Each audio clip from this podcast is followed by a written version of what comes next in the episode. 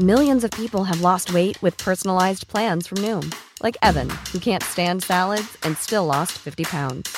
Salads, generally, for most people, are the easy button, right? For me, that wasn't an option. I never really was a salad guy. That's just not who I am. But Noom worked for me. Get your personalized plan today at Noom.com. Real Noom user compensated to provide their story. In four weeks, the typical Noom user can expect to lose one to two pounds per week. Individual results may vary.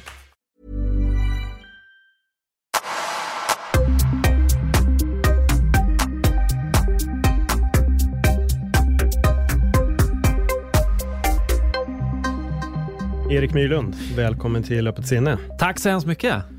Det Jäklar, alltid- var det aggressivt nu? Tack så hemskt mycket. Jag blev så taggad. Jag kände bara så här, jag bara, när sätter vi igång, när sätter vi igång? Och så helt plötsligt körde du igång och jag var inte riktigt beredd så jag tänkte Nej. jag måste överkompensera. Förlåt. Det jag, funkar. När jag blir stressad så Det, skämtar jag. det får man göra. Ja, vad bra. Men det är alltid kul också när man poddar med folk som jobbar med radio. Ja, För att det blir en helt annan grej. Det finns en sån här professionalitet i luften redan från sekund ett. ja lite jobbig professionellt för att Ja, vi, vi börjar alltid, jag har ju testat att läsa in böcker. ja. Jag gjorde en- audition för det här i våras och då gick jag dit och jag tänkte så här, men jag har, jag har en bra röst för det här. Han bara, ja, och så testade vi lite grann och jag läste så här. Och, och då när jag sa fel vid något ord, då började vi om så här och så fick jag höra slutet av det jag hade sagt och så läs, började jag läsa in det, det som jag hade missat eller sagt fel på. Mm. Och då sa han så här att det finns en grej som ni radiopratare alltid gör. Det är att ni börjar alltid med så jävla mycket energi. Och det är alltid så här, jajamän, och så, och så börjar ni sakta gå neråt och neråt och neråt och neråt. Han bara, så kan du inte riktigt jobba med, du kommer ge folk eh, hjärtattacker om de, om du sitter och, om de sitter och lyssnar på en bok med dig. Liksom. Så att eh, jag måste komma ner lite, känner jag. Jag förstår. Vilken bok var det du läste in? Eh, oj, vilken var, nej det var faktiskt en egen eh, skrivet eh, kapitel. Okej. Så att helt okänd, Ja. kommer antagligen aldrig komma ut. Nej. Men, men han tyckte att det var bra att jag läste någonting som jag var bekväm med.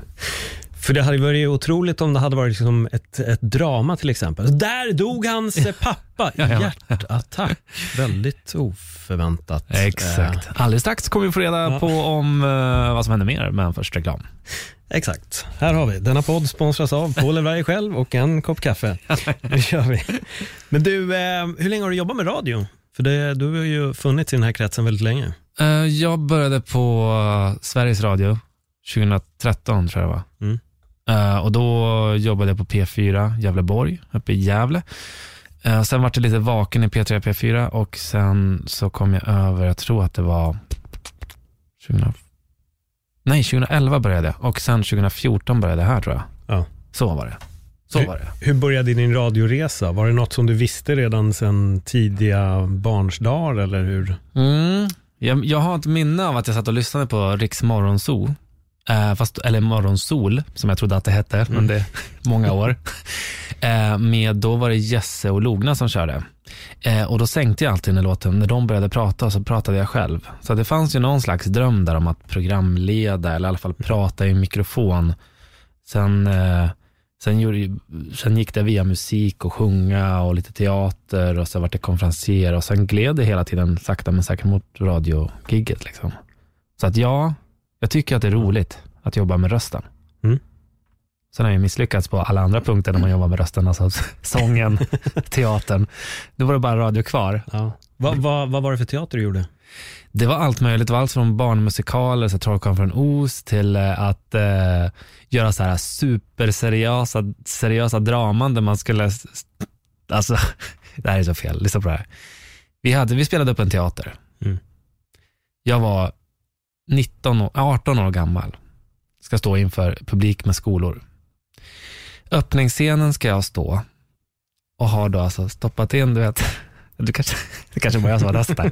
Man, man står naken och så stoppar man penis åt sidan och under Ja, just det. och då ser det ut som att man har en vagina. Har du testat det? Inte som 19-åring på en teaterscen. Nej. Låt oss lämna det där. Eh, det är märkligt. Ja. Vi hade en lärare innan som var liksom så här, vi ska göra mörk, djupt Lars Norén-teater. Liksom. gick inte så bra. Inte så populärt. Vi körde bara en föreställning, sen stängde de ner oss. Och ni blev nedstängda till och med? Ja. Av vilka? Var det då, vad skulle ni turnera Rektorn. skolor eller? Nej, men alltså det var ju liksom rektorn på gymnasiet som bara, vad, vad, vad i helvete håller ni på med? Så jag bara, nej, nej, det här blir inget mer då. Så då fick vi köra något annat lite gladare istället. Vad, vad gick ni över till? Eh, då vart det mm, Mikael Drycker, tror jag, eller vad han hette. Som, alltså det vart ju liksom mer så här lättsamt, alltså roligt, liksom, utan någon större mörker. Liksom. Men det, jag tror alla går igenom en fas, alla musiker så här, de går igenom så här, man ska vara nischad, man ska vara djupa, man ska skriva texter som ingen annan skrivit. Vi ville också visa att vi var så här välutbildade, duktiga, seriösa skådespelare trots att vi var 17 år och knappt hade blivit av med målbrottet. Liksom.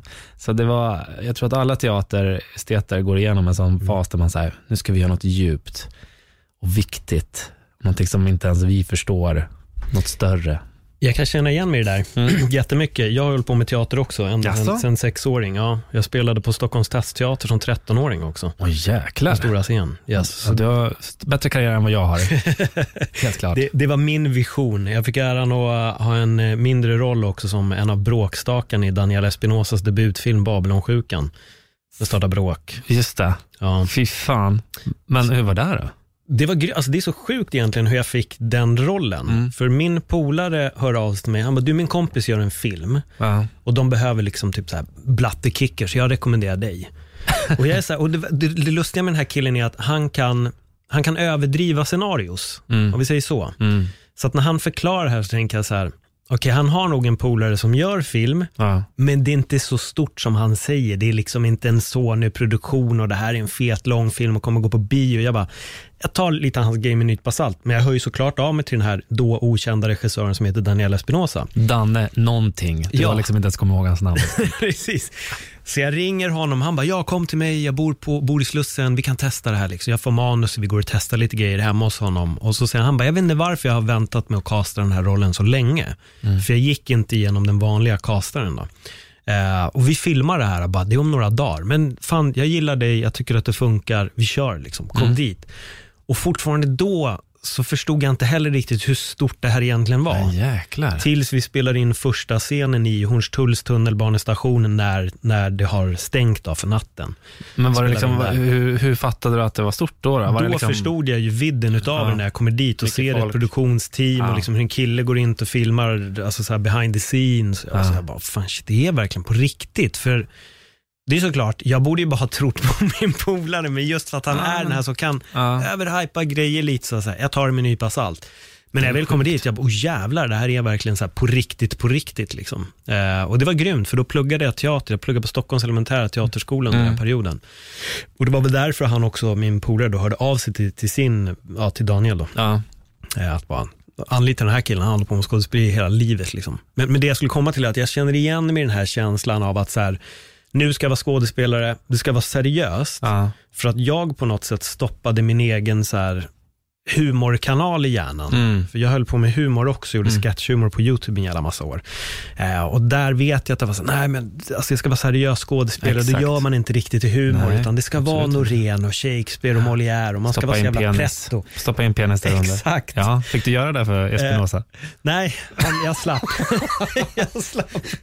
Han sa så här, han bara, ni ska starta ett bråk, jaga några. Han bara, jag hade tänkt att du skulle stoppa in penis, men vi skiter i det. jag tänker så här, du springer, du blir jagad och plötsligt i tunnelbanan och så plötsligt precis när du springer för trappan så får du en känsla av att du vill ta av dig byxorna. Du bara, mm. Och så tar du och stoppar in penis mellan.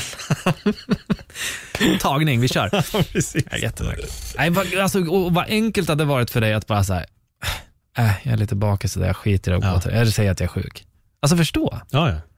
För jag, man, har- man har ju fått någon sån där, nu har jag bara gått på nitar tyvärr. Mm. Jag hade ju jättestora drömmar om att få göra film. Mest för att, så här, och säkert du också, för att, för att få andra att känna någonting. Mm. För mig har det aldrig handlat om att så här, bli känd eller något sånt där. Aldrig handlat, jag, jag känner mig inte bekväm i, i den kretsen. Men däremot så känner jag liksom, att få folk att känna något, att gråta, skratta, det, det, det ger mig någon slags kick. Liksom.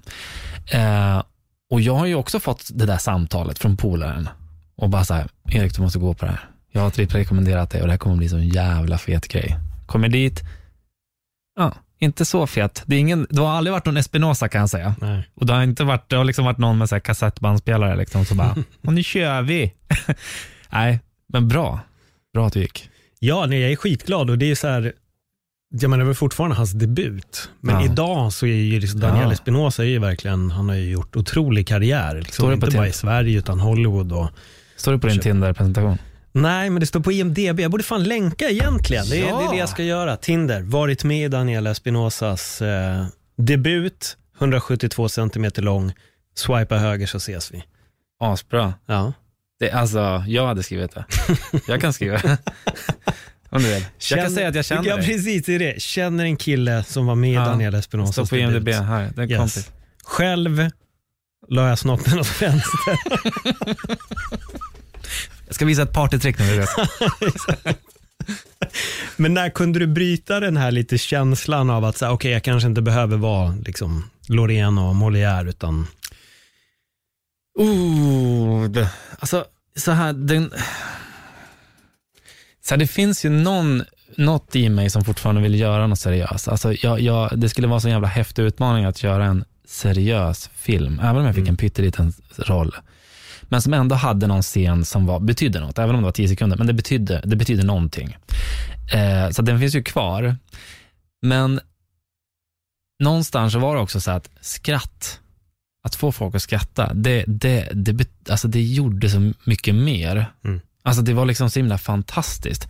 Och sen när man lyckades liksom, för i, i radion på Power där jag jobbar då, då, då får jag oftast folk att skratta eller att de, får, de blir lite så här, oj, oj, oj, gud, hur kan han skämta om det där? Liksom lite så. Det blir lite edgigt ibland, men alla fall inom ramarna tycker jag.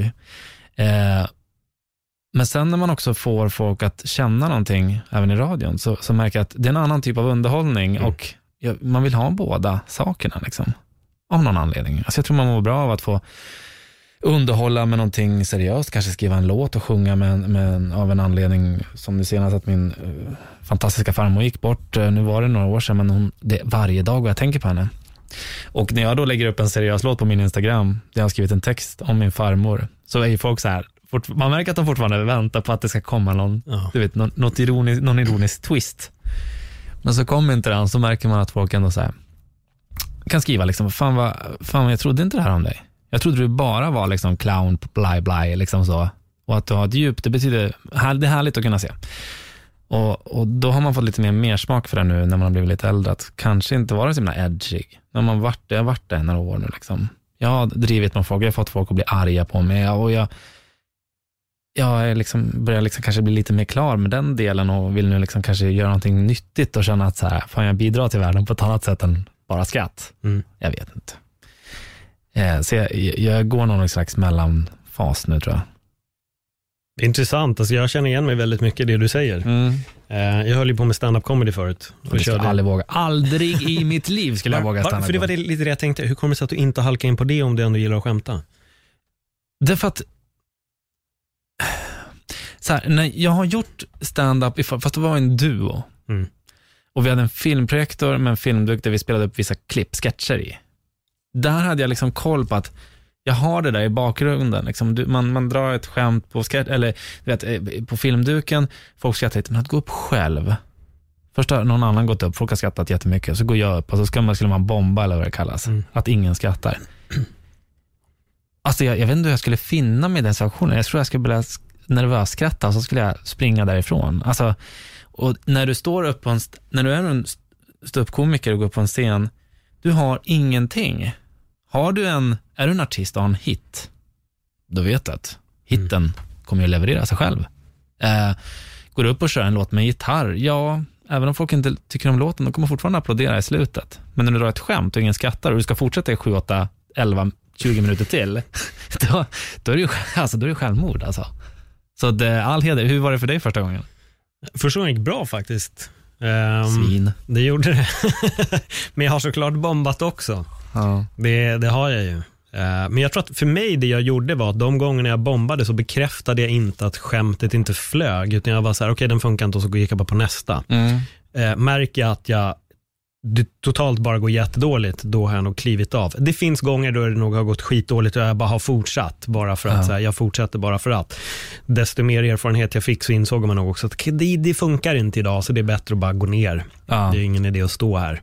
Men jag vet inte, jag, Jag har nog varit ganska duktig på att analysera publik. Mm. Och Det är nog lite det jag märkte var att väldigt, vissa komiker kunde gå upp och så ju, presterar de inget bra då sa de istället att det är tuff publik idag. Mm. Och då blev det en sanning bland väldigt många komiker.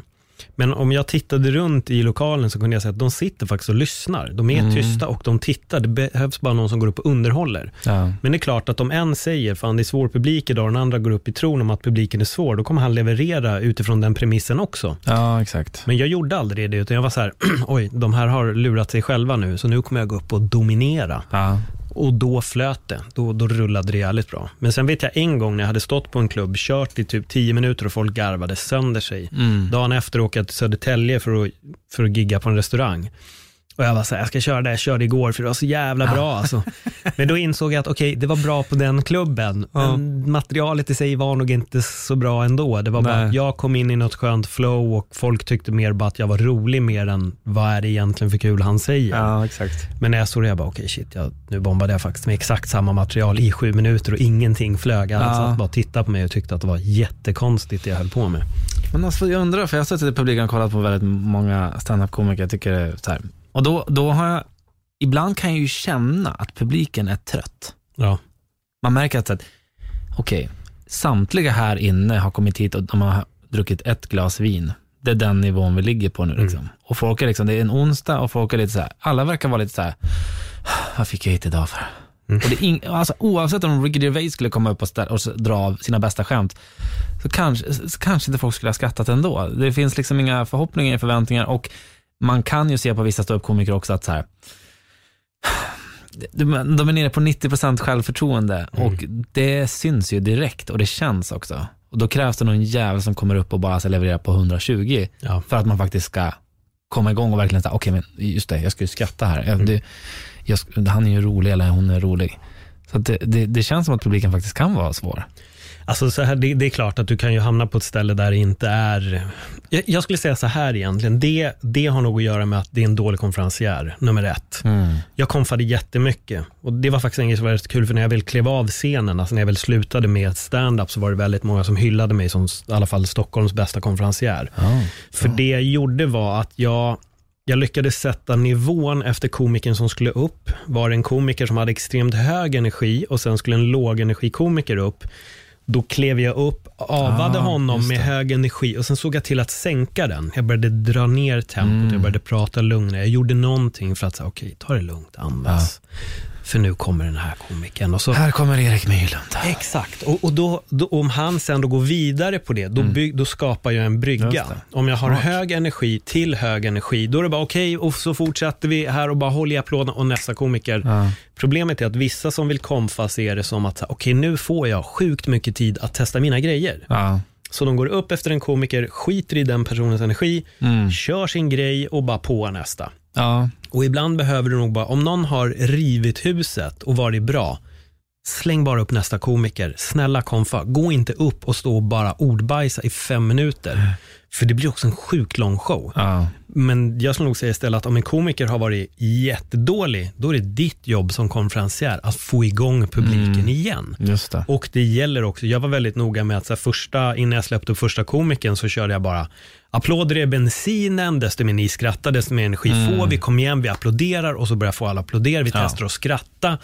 Och då bryter man den här isen i början. Ja. För många går bara upp, ah, en jävla knasig grej, alltså på tunnelbanan, bla bla bla, här har ni första komikern. Och så, fan vi lever ändå i Sverige, vi är väldigt restriktiva med applåder och skratt här. Ja. Så jag tycker att många gånger så är konf- konferencierna är jävligt dåliga på att förstå vad deras jobb är.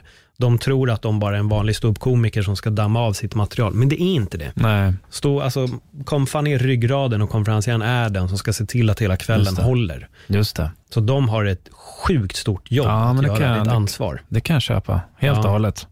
Det, och det är ju precis som du säger, alltså att om jag är där och har askul, men folk skrattar väldigt lågt i publiken, Ja. då skrattar ju inte jag högt. Nej. Det är precis som när du kollar på en rolig film hemma, du och en kompis. Alltså, en, alltså första gången du såg Dum Dummare till exempel. Alltså, i sin tid, asrolig film tyckte jag.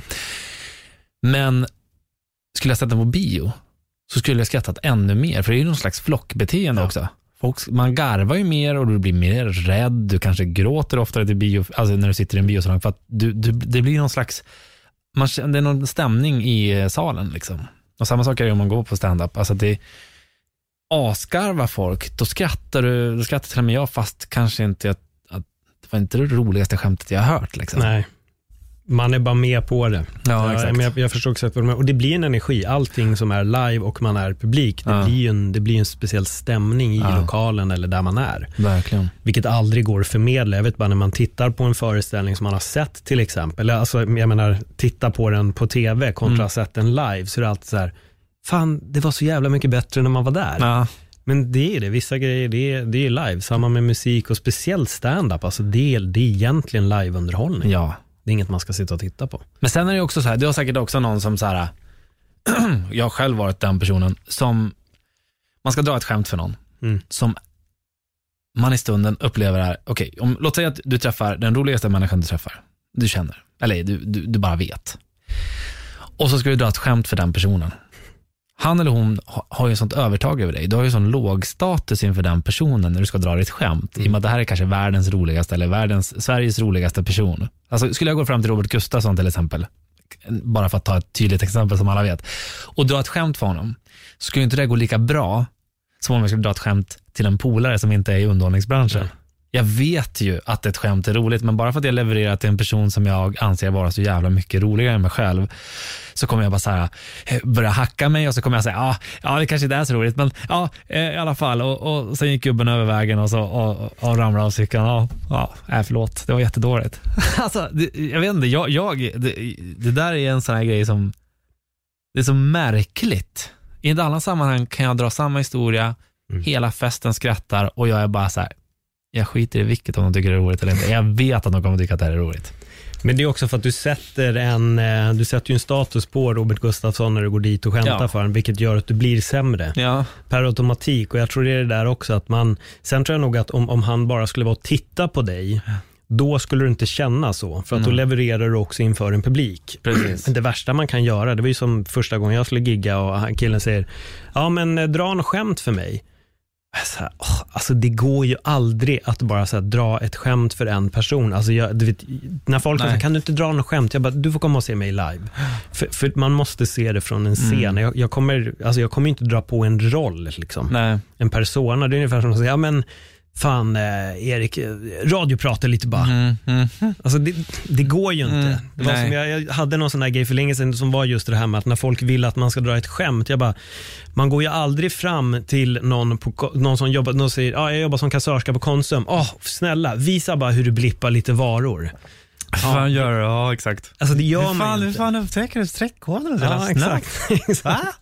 Brevberg, hur springer du egentligen i alla trappor? Kan inte visa? Visa då, visa då. Men däremot när det är komiker och sånt, då, då vill man så här, ja men få höra någonting nu och liksom Ja. äh, ställ det här och agera. Det gör man ju inte. Nej, det där är jättevanligt. Alltså jag får ofta höra på fester. Jag har blivit, jag vet inte om det är bara så här.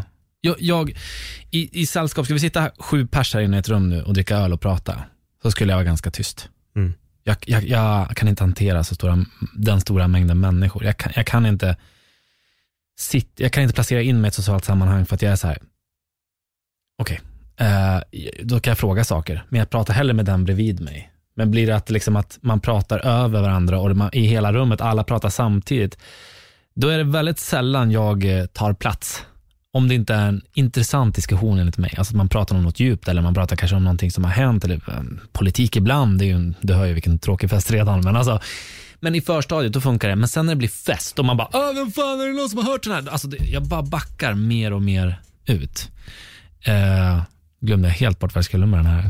Det sjuka är att jag känner igen mig i det så jävla Ja. mycket. För jag är exakt likadan. Jag har pratat om det här med flera vänner. Det är verkligen, jag har inga problem att stå på en scen. Nej, och agera inför liksom allt från 100 till 1000 pers. Det tycker jag är kul. Men som du säger, att sitta i en liten grupp och kallprata, det är fan det värsta jag Ja, jag vet. Tre pers har insett att det funkar. Ja. Tre pers, då får alla lika mycket utrymme. Och man, du vet om jag säger någonting så söker jag en åsikt från dig och sen söker jag automatiskt en åsikt från den andra personen. Är man fyra så börjar det redan bli Mm. att inte alla får komma till tals. Jo, det jag tänkte säga var att i och med att jag jobbar med radio, Mm. så får jag ofta höra då i sådana sammanhang bara, vad fan är det så jävla tyst? Hur fan du jobbar med radio? Hur fan går det ihop att du är så tyst? Och så bara, ja, nej men, nej men jag, så säger jag alltid samma sak, nej men jag pratar bara när jag får betalt. Och, bara, "Ahaha." och sen, och så är det så här, ja bra, nu, nu låter de mig vara en liten stund. Också så här, folk, radiolyssnare som har, de har ju en bild av mig. Mm. Och det är ju så att det är ju varje morgon så jag bara Tja, Erik Myllenär var alltså igår kväll hände en sån sjuk grej. Alltså det kommer flygplan, blablabla, struts, blablabla, spräng, blablabla, någonting sprängdes. Så, så. Och folk tror ju att Erik Myllens liv är ju sinnessjukt. Det händer alltid grejer. Eh, så när de träffar mig och jag bara, hej. De bara, ja vad, Erik berätta, ofta på krogen. Erik berätta, vad fan vad har du gjort idag? Vad Har du varit på någon sjuk fest? Jag bara, Nej, jag satt hemma och spelade lite Playstation och så drack lite vin och sen gick vi och käkade en burgare. De bara, och man ser bara att de väntar på att något galet ska hända, men det kommer inget. Så till slut brukar sakta men säkert skingrar de sig ifrån mig, liksom, så står jag där ensam. Så att, men det är märkligt, precis som du sa, att man förväntar sig att du hela tiden i alla sammanhang ska Ja. vara en rolig person. Men jag tror det är att man, folk tror att radiopersonan är den riktiga människan. Jag tror att vi som jobbar i den här branschen, vi fattar ju att man slår på en viss roll. Jag vet hur det är med till exempel när jag kör livechattar och grejer inför fightingen på, på Ja, Viaplay. Jag är ju liksom charmig, Mm. trevlig och liksom bla bla bla, sitter och pratar och liksom ditt leende på läpparna. Och jag tror att många tror att liksom, träffar man Paul, då är det så exakt så hela tiden. Ja. Men vi har ju olika roller. Alltså alla har ju olika roller. Det är ingen som är samma person hela tiden. Nej. Du är en med din familj, du är en på jobbet, du är en med de du träffar utanför, sen har Mm. du nära vänner där du öppnar upp dig om annat, sen har du ytliga vänner där du pratar skit. Alltså, vi är olika personer i det här hela tiden. Men jag måste berätta en, en grej som är just stand-up-relaterat till Mm. det här att, att ha en bild av en jag hade giggat och det var en tjej som hade med sig vänner och hon presenterade mig för en av de här, liksom kvällen var slut, jag var på väg hem. Och då säger den ena snubben, han bara, "Fan, jag har sett dig så jävla många gånger på, du är så jävla rolig, jag tycker du är sjukt bra. Jag bara, kul, tack liksom. Han bara, vad ska du göra? Jag bara, nej men nu, vi, var i Medis. Jag bara, men jag, jag ska dra hem nu, så jag ska, jag tänkte bara knalla till Slussen, men jag kommer säkert missa tunnelbanan precis när jag kommer till Slussen som vanligt. Han bara, alltså det där är så sjukt! Vet, varje gång man bara missar tunnelbanan, han bara, shit du är så jävla skön alltså, Fan, vad roligt, missat tunnelbanan, ja det är helt... Och du vet, jag står där, jag tänker så här inombords, så tänker jag, Fast jag var ju faktiskt bara allvarlig nu. Det var inget, så här, ingen intention att få någon att garva. Men han var så på resan att Paul är rolig, vad han Ja. än säger, det här är kul. Ja. Så jag sa, fan tänk om jag blev så pass känd Ja. att det enda jag behövde göra var att gå in för fullsatt glon och bara, uff, sorry att jag är sen, jag missade en tunnelbana. Ah shit, jag vet! Och liksom, Paul är så. Ja, det står en jävla galning alltså. Fan vad galen han är. Men det, det, det, här är, det är speciellt att träffa folk som sen också får känna, för jag är exakt som dig, jag är, jag är verkligen, jag kan skoja om väldigt mycket, Mm.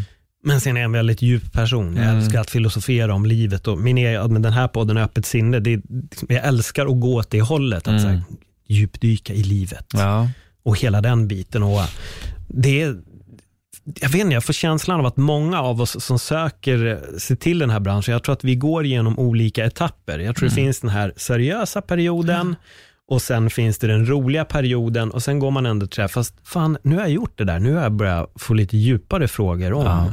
Om livet, existens överlag. ja. Hur känner du själv där i? Är det någonting som du brukar bolla i ditt eget huvud? Ja, men jättemycket. Jag är ju en extrem analyserare. Jag är, och jag har ju tendenser till eh, katastroftankar, vilket är fruktansvärt ibland. Alltså så här, vilket har gjort att jag måste, jag har börjat tänka lite mycket, bli lite djupare. Jag har tagit så här psykologsamtal och bara så för att få förstå lite mer hur hjärnan fungerar. Eh, jag är inte speciellt spirituell av mig, däremot så är jag ganska intresserad av att, jag är ganska logisk av mig, men ändå är jag väldigt icke-logisk på många sätt. Jag fattar att min hjärna fungerar på ett logiskt sätt. Tänker jag efter problem och letar problem så kommer problem att jag kommer upptäcka problem och tycka att det är mycket problem i mitt liv. Medan eh, jag kommer upptäcka att det är röd gubbe när jag ska gå över vägen. Jag kommer upptäcka att jag är sen. Jag kommer upptäcka det där att man missar tunnelbanan vid Medis. Eh, men är jag på positiv till äh, mycket, små saker, alltså bara just det här, fan vad gött att det är varmvatten i duschen på morgonen. Och börja liksom ställa om hjärnan att jag börjar liksom aktivt bara så här, tio saker som är positiva varje dag innan jag går och lägger mig. Små saker, verkligen små saker. Då kommer jag ju, även om det blir röd gubbe, så kanske jag kommer att se den här tanten och gubben som går hand i hand, eller står bredvid mig hand i hand och väntar på att få gå över. Liksom. Och se att, fan vad fint, liksom, att, eller det här barnet som eh, blir upphämtad av sin pappa på dagis. Liksom. Nu låter det som att jag hänger ofta utanför dagis, men det, det gör jag inte vill jag bara säga. men alltså, men alltså och, och då upptäcker man de grejerna istället. Mm. Som, och, och jag tror att det är allt, min hjärna är väldigt kreativ, vilket inte är speciellt bra alltid. Det är asbra, det är mitt starkaste verktyg. Men den kan skapa mycket roligt, mycket gott, mycket spännande, men också mycket hemskt. Alltså, du vet, man visualiserar, visualiserar. När du tänker ut ett skämt så tänker du kanske liksom så här, mm, ja men det här, det här kan bli kul. Ja, och så kanske man känner så här, ja men det här blir roligt. Eh, ja, men, och så kanske du visualiserar att eh, publiken skrattar och att du, du kommer, ah, okej, är det en sån publik så kommer de skratta åt det här skämtet bra. Och så kanske, jag vet inte om du funkar som jag, men du känner det också, att, att ja, men du känner liksom, ja men det här kommer bli bra. Och så känner du liksom en tagg, ja, du blir taggad av det. Samma sak om du tänker negativa tankar. Jag känner ju de känslorna. Alltså jag, jag kan må så dåligt över vissa så här, oh, men gud, tänk om, oh, vad kan det här vara? Alltså, eh, jag ska inte säga att jag är hypokondriker, det är jag inte, men det blir oerhört små saker, nonsenssaker, så blir jag så fruktansvärt eh, orolig att eh, kommer ett kuvert ner för brevinkastet och jag bara, oh, vad fan, alltså okej, vad är det här nu? Åh, vad helvete ska jag, åh, det ligger upp och ner. Det ligger upp och ner. Och i- stundtals har jag blivit bättre på det här, kunde jag inte ens gå fram. För jag var, jag var så här, nej det är säkert Kronofogden, jag har glömt att betala en räkning. Jag har glömt att betala en räkningshelvete nu alltså. Helvete nu en prick, ja ja. Och så vänder jag mig och så är det så här eh, sms-lån eh, erbjudande eller vad det kan vara liksom. Och det, det, det har gjort att jag nog har börjat bli så här, okej. Ehm, lite djupare och lite, liksom så här, lite mer så här funderande och lite existentiell och liksom lite mer så här, fan hur, hur fungerar världen? Varför fungerar vi som vi gör? Och eh, hur, hur ska jag dra nytta av hur jag är som människa? Och hur kan jag förstå en annan människa bättre? Man helt enkelt ser saker lite ovanför ifrån. Mm. Varför ser världen ut som den gör? Så att jag, ja, verkligen blivit mycket mer djup på senare år kan jag säga. När, när började det? Ehm, jag har alltid haft någon sak, konstig sak för mig. Så att det ska jag säga att alltså när jag var 10, 11, 12 år, då hade jag tvångstankar. Det tog ju fan timme för mig, och nu överdriver jag inte, en timme att ta mig hemifrån från att jag började. Du vet, skulle kolla att lamporna var avstängda, spisen, du vet, gå fram, känna. Inte bara, ja, du vet, det bara, det bara utvecklades liksom. Kommer ner till mamma i Spanien, hon är spanjorska, katolsk. Eh, kommer ner dit, hon bara, Erik, brukar du be en bön? Jag bara, nej, nej, vadå? Så här, Erik, du måste be en bön, eller för dem du älskar. Jag bara, jaha, och du, du vet, då byggdes ju det på. Mm. Då fick jag ju ångest om jag, inte, om jag somnade utan att liksom be en bön. Och så jag minsta ord fel, fick jag ju börja om. Det var inte en bön hon lärde mig, det var tre stycken som jag skulle lära mig. Så här. Madre man bara, åh herregud. Så det tog ungefär en timme innan jag skulle gå och lägga mig också från att jag liksom och sen byttes det där bort och då kom det något annat under när jag var äldre och så, och så har det bara liksom någonting alltid. Och nu på senare har det varit det här katastroftänket, liksom att jag kan noja och grubbla och hålla på med sånt där. Och nu har jag väl insett att okej, ja men jag är en sån här människa då. Accepterat. Ja, jag får acceptera lite grann och så får jag bara säga Ja, Erik, nu, du vet, jag kan nästan säga det högt för mig själv. Erik, nu- ja, nu börjar du skena i vägen. Ta några djupa andetag nu och bara så här, fokusera på något annat. Eh, här och nu. Mm. Jag vet inte hur du är, men jag har väldigt svårt ibland att vara här och nu. Det är ju något man hela tiden får jobba med.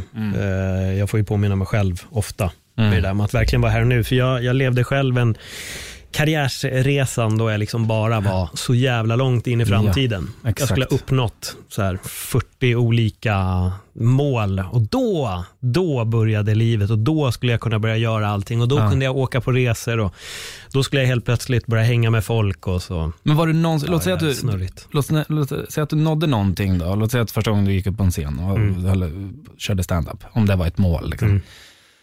När du hade gjort det, hur länge gav du dig själv belöning att faktiskt njuta Noll. av att Nej, exakt. Noll. Direkt bara, ah, större scen. Ja. Eller du vet, tv, ah, Engelska. För, för jag gjorde faktiskt det. Jag, eh, jag hyrde Boulevardteatern och sålde ut den med min soloföreställning. Mm. Jag vet att när jag hade gjort det så sitter vi sen och familj och vänner, vi, vi går och käkar.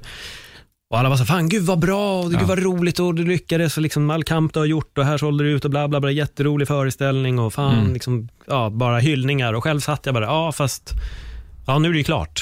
Liksom nu, nu, eh, jag har ingen mer gig att göra nu. Nej, vad, vad, vad gör jag nu? Och nu måste jag ju, så här, nästa grej och Ja. de bara, men du måste ju vara glad att du har gjort det. Jag Exakt. bara, ja, ja, det är kul, men Ja. vad fan, Globen måste säljas ut. Ja. Det, och, och det är det där som jag insåg sen, många år senare, att så här, fan alltså, det är så viktigt att fira alla små grejer. Som du säger, nu har jag blivit mycket bättre på det. Mm, det är bra. Jag vet första gången när jag fick sitta i Champions League-studion för att ja, men bygga, det var en presskonferens för UFC Mm. och jag fick vara med. Då var det så här, okej det här är en milstolpe för mig nu. Jag sitter här, det här är första gången, men det ska vara första gången av många som Mm. är i den här studion. Men nu är jag här. Mm. Och då försökte jag så här fira det för mig själv Känna. under den dagen, att bara fan vad bra, du har nått den här punkten nu. Så det är något jag har blivit bättre på. Ja. Men jag har varit sämst på det förut. Alltså riktigt, riktigt dålig. Men Ja. hur är du där då? Nej, men jag, nej, men jag, jag har också blivit bättre på det, helt klart. Eh, och, men jag har haft, jag tror varenda chef jag har sagt, eller haft har sagt så här, Erik, älskar ditt engagemang och att du är driven. Men alltså, respektera vad du har uppnått också. Använd backspegeln. Alltså vart var du för fyra år sedan? Du måste, du måste komma ihåg det där perspektivet. Det måste man i alla sammanhang i livet. Mm. Alltså även historiskt, om man kollar på mänskligheten, så här, det finns extremt många tråkiga orättvisor i världen fortfarande. Och, men vi människor, vi lever ju det här. Vi lever ju inte här och nu, eh, på gott, vill- ja, på gott och ont, men alltså så här, vart var vi för hundra år sedan? Det är nästan så vi som mänsklighet måste se. Ja, vi hade betydligt många fler uländer. Vi hade alltså, betydligt mycket mer fattigdom i Sverige. Alltså det, Men i och med att vi inte har levt i det, utan vi känner inte av den här skillnaden, så kan vi aldrig egentligen för att vi kan inte ta in perspektivet. Och det, det är det stora problemet, men rent så här individuellt och ensam så är vi också lika dåliga på det att så här, njuta här och nu. Jag brukar säga att, och det är inte att jag jobbar med radio, men att tuna in i nuet. De, de sakerna upplever man bara några gånger om man, in, om man slarvar. Jag tror att man upplever det när man får sitt första barn. Mm. Jag tror att man upplever det när man, kanske när man gifter sig. Man upplever det definitivt när man förlorar någon. Då släpper man allt annat runt omkring. Det kan vara det här kronofogdpappret som har legat där, eller, eller vad det kan vara, karriären. eller vad det kan vara. Men, men när någon går bort, då lever man i nuet, nuet. Då är man där. Man är där, där, där. Och det finns någonting fint med det. Sen finns det också vissa ställen. Och jag det på några platser. Jag upplevde det när jag var på savannen i Kenya, alldeles vid Kilimanjaro och tittade. Då, då du vet, det fanns ingen mobiltäckning. Fast det var, jag bara stod där. Eh, och det var bara magiskt. Och jag bara kände så här att ingenting spelar någon roll. Ingenting av det jag går och oroar mig för spelar någon roll. Alltså, och en annan gång har jag upplevt, och det var när jag var i Karibien. det är dyrt om man ska leva i nuet, hör du? Men då var jag i Karibien och bara låg på en på strand och det var typ inget folk, inga hotell, ingenting och så bara, så kände man det. Att så här, ingenting spelar någon roll. Bara det här, och nu och de jag bryr mig om, att de mår bra. That's it. Det, och det är fan någonting att sträva efter alltså. Mm. Har man känt det, då vill man ha det mer. Som Ja. en drog alltså. Och jag tror det finns de som aldrig upplever det heller. Ja. De som aldrig upplever, jag har också fått Har du upplevt som- det? Ja, det har jag gjort. Jag åkte till, eh, de som har hört min podd har hört den här storyn förr, men jag åkte till Kanada. Mm. När jag var som mest i min liksom podd, eller i min så här humorkarriär. Jag gjorde sketcher, jag körde stand-up, jag hade tre poddar som rullade. Ja. Det var bara helt galet. Jag åkte till Kanada för att springa Tough Mudder. Det var innan Tough Viking och allt hade dykt upp här. Ja. Så Vad de, hette det? Tough, Tough Mudder. tough Det är egentligen den Mm. ursprungsgrejen. då. Ja. Så vi går upp för ett, eh, för ett berg som bara är jättejobbigt att gå upp för. Du, du kan inte kliva åt sidan, utan har du börjat gå upp så måste du gå upp. Så att du bestiger den med typ, vad är det, 2,9 kilometer tror jag, uppåt. Eh, Det är helt sjukt, Mm. jätteskönt och allting, men min polare som var tjockare än mig, som är från Kanada, han bara Paul, gå före för att jag kommer gå mycket långsammare. Det är så Mm. gå själv liksom. Och det enda rådet jag hade fått var att om det blir jobbigt, sätt dig inte ner för det blir värre. Gå Okej. bara, liksom, gå bara rakt upp. Eh, och jag går och det är skitjobbigt. Jag åker dit, jag hade så haft en jävla trasslig relation, så jag åkte dit fett stressad Ja. och bara så här, tänkte på henne. Livet bara allmänt kast. Ja. Kommer dit, går upp för det där berget och är förbannad i de här 45 minuterna som jag går upp. Så vad gör jag på det jävla skitberget? Det här är det jobbigaste jag har gjort, för jag vill bara försvinna härifrån. För jag hatar här skiten, jag har ont i lungorna, jag är trött i benen, jag är trött och så bara vara arg. Så jag kommer upp och vet att jag filmar en video på det här fucking jävla berget, jag kommer aldrig mer gå upp för det här. Fan håller jag på med? Jag är en riktig idiot. Och sen en minut efter jag stängt av, då vände allting. Mm.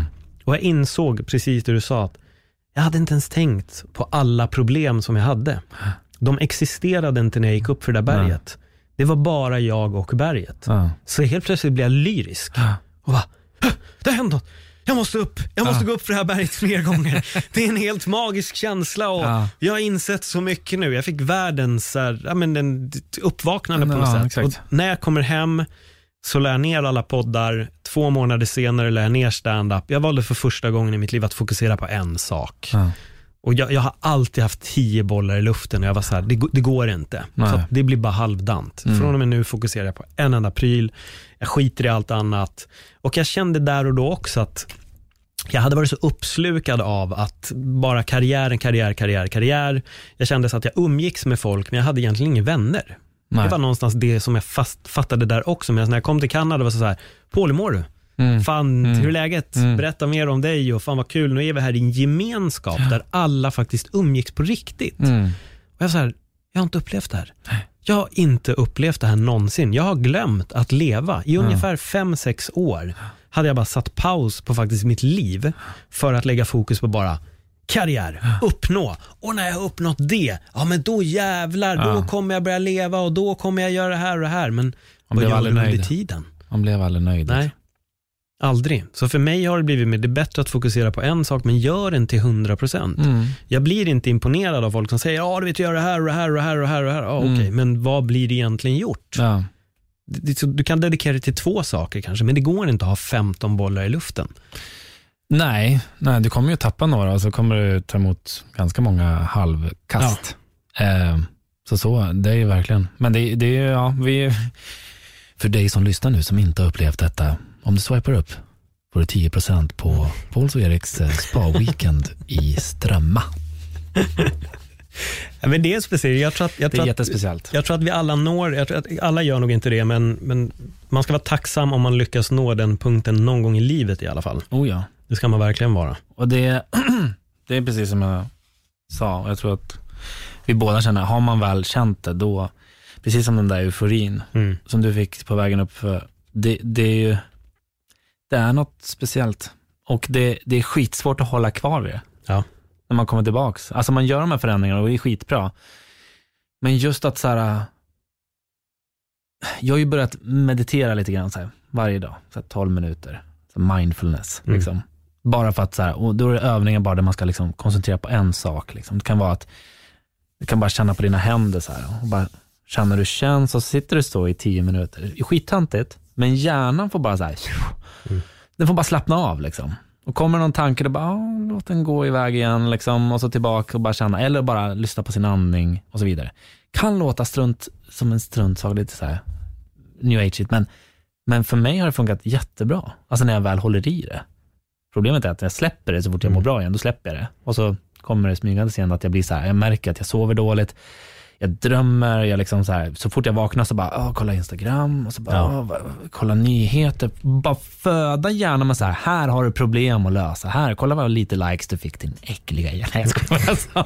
Men alltså så här, eh, kolla vad hemsk världen är. För det är ju det första du får se på Aftonbladet, Expressen och SVT och alla de där. Alltså vad, vad fruktansvärt det är. Vad är det för jävla värld vi lever i? Istället för att bara sätta igång en skön låt. Ja. Och så bara duscha, lyssna på låten, sjung lite för dig själv. Alltså, man är, sin, man är världens bästa artist i duschen. Mm. Eh, gå upp, släpp mobilen första timmarna liksom. Jag tror att min pappa till exempel, han, han, han bor i, en liten, i ett hus i Norrland i skogen. Liksom. Det är hans värld. Sen åker han till jobbet, fram och tillbaka. Det är hans värld. Så stor är den världen. Och det är det enda han bryr sig om. Han är hur lycklig som helst. Och jag blir så jäkla avundsjuk I början kunde jag inte vara där, för jag, bara, jag blev så stressad. Jag bara, vad fan, ska vi... Han bara, "Ja, kan du komma upp och hjälpa om vi tänkte göra om uh, husgrunden lite grann. Så här. Jag bara, ja, kom upp och så bara, ja, nu kör vi, okej, uh, uh, uh. Han bara, men lugn. Hela sommaren på oss. Jag bara, men det är ju bara en liten hö. Han bara, "Men jag vill ha grejer att göra under hela sommaren. Och nu börjar jag fatta varför han är så, för att han är, han lever där och då. Han går inte runt och oroar sig över andra saker. Sen kan han ju bry sig och ha åsikter om politiska saker, men hans värld är inte större än så. Och det tycker jag är härligt att se hos en man som är snart eh, 65, 64. Jag tror att det är få förunnat och jag tror att vår generation kommer att ha problem med det här, Mm. för att vi är så jävla mobilbundna. Jag Ja. märker det själv. Jag, jag vet att, ja men det är inte så jättelänge sedan då när du stack någonstans inom EU så fick du inte internet, du var tvungen att pynta för Ja, det. just det. Jag tyckte det var jätteskönt. Mm. Så jag använde bara mobilen när jag hamnade vid någon hotspot. Mm. Men jag märkte det, min närvaro var på en helt annan nivå av att inte gå in på sociala medier. Ja. Helt plötsligt började jag läsa mer böcker. Ja. När man vaknade på morgonen gick man upp. Jag fick ingen stimuli av något, utan Nej. det var bara att gå upp, njuta av solen, käka lite frulle, ta det Ja, lugnt på verandan. Mm. Men nu, har, det är samma. Vaknar, boom, på med mobilen och så Mm. går man in lite snabbt och så har du redan börjat sabba morgonen på Ja. ett sätt. Så jag har också gjort de här testerna med att vissa månader skippa mobilen. Alltså det, det blir en helt annan koncentration under hela dagen. Ja. Jag märker också att jag har börjat få begränsa mig själv i att gå och lyssna på musik. Mm. För det är också, det bara stör. Man får aldrig tänka fritt. Man Nej. är bara i musikens värld hela tiden. Sen finns det musik där du kan tänka som kanske inte innehåller ja, men, Nej, sång men och hit och dit. Men det är, det är en jävla utmaning idag alltså. Ja. Av all otrolig stimulans som vi hela tiden får från alla håll. Exakt, och sen tror jag att man måste hitta perspektivet. Jag tror att du hittade perspektivet när du var på väg upp i berget i Kanada, att det var så här, eller referensen snarare. Mm. Okej, det är ju så här, det är så här, jag kan, så här kan jag också må, så här kan jag också känna, så här kan också hjärnan vara helt så här avslappnad, också få lite semester. Mm. Eh, och jag fick det, och man har upplevt det några flera gånger. Eh, och det är så jäkla viktigt, för ibland tror man att så här, okej, det är så här jag mår. Jag, det är så här livet är. Okej, det var min lott i livet. Liksom. Och så kollar man på sociala medier, bara jävlar, fan vad bra alla verkar, alla verkar vara utomlands. Ser ut som en bild som de la upp förra året, men ja, ja, det är säkert, de har säkert åkt dit igen. Även fast det inte, det är som falsk verklighet. Ja, ja, visst. Ja. Jag är lite chockad över att du är halvspanjor, för det visste jag faktiskt inte. Syns inte det på halsskägget? Jag har ju bara halsskägg. Jag har ingenting här uppe, bara så här hals, jämnt halsskägg och mycket hår på underarmarna. Ja. Därför är jag också halvspanjor, men jag tror, man Är blir, ja, jag tror för att man blir lurad av ditt efternamn. Men du har pappas. Ja, jag heter ju Myrlund Varo, Ja, men, men Varo använder jag inte. Nej. Varo låter finskt. Ja, Vad Är det mamma eller pappa? pappa. Pappa, därav Del Valle, Ja. från Dalen, Mm. direkt översatt. Men pratar du flytande spanska också? Och claro. ¿Y tú hablas español? Sí, sí, sí. ¿De, de, cuál- 100%. ¿De qué parte? Madrid, Ah, Ah, mi madre vive en Madrid ahora. sí. Ah. ¿Dónde? Pues, eh, no sé. Acaban de mu- mudarse allá. Sí. Pero eh, somos de Andalucía. Andalucía. Mm. Es por eso que tienes un poco de acento.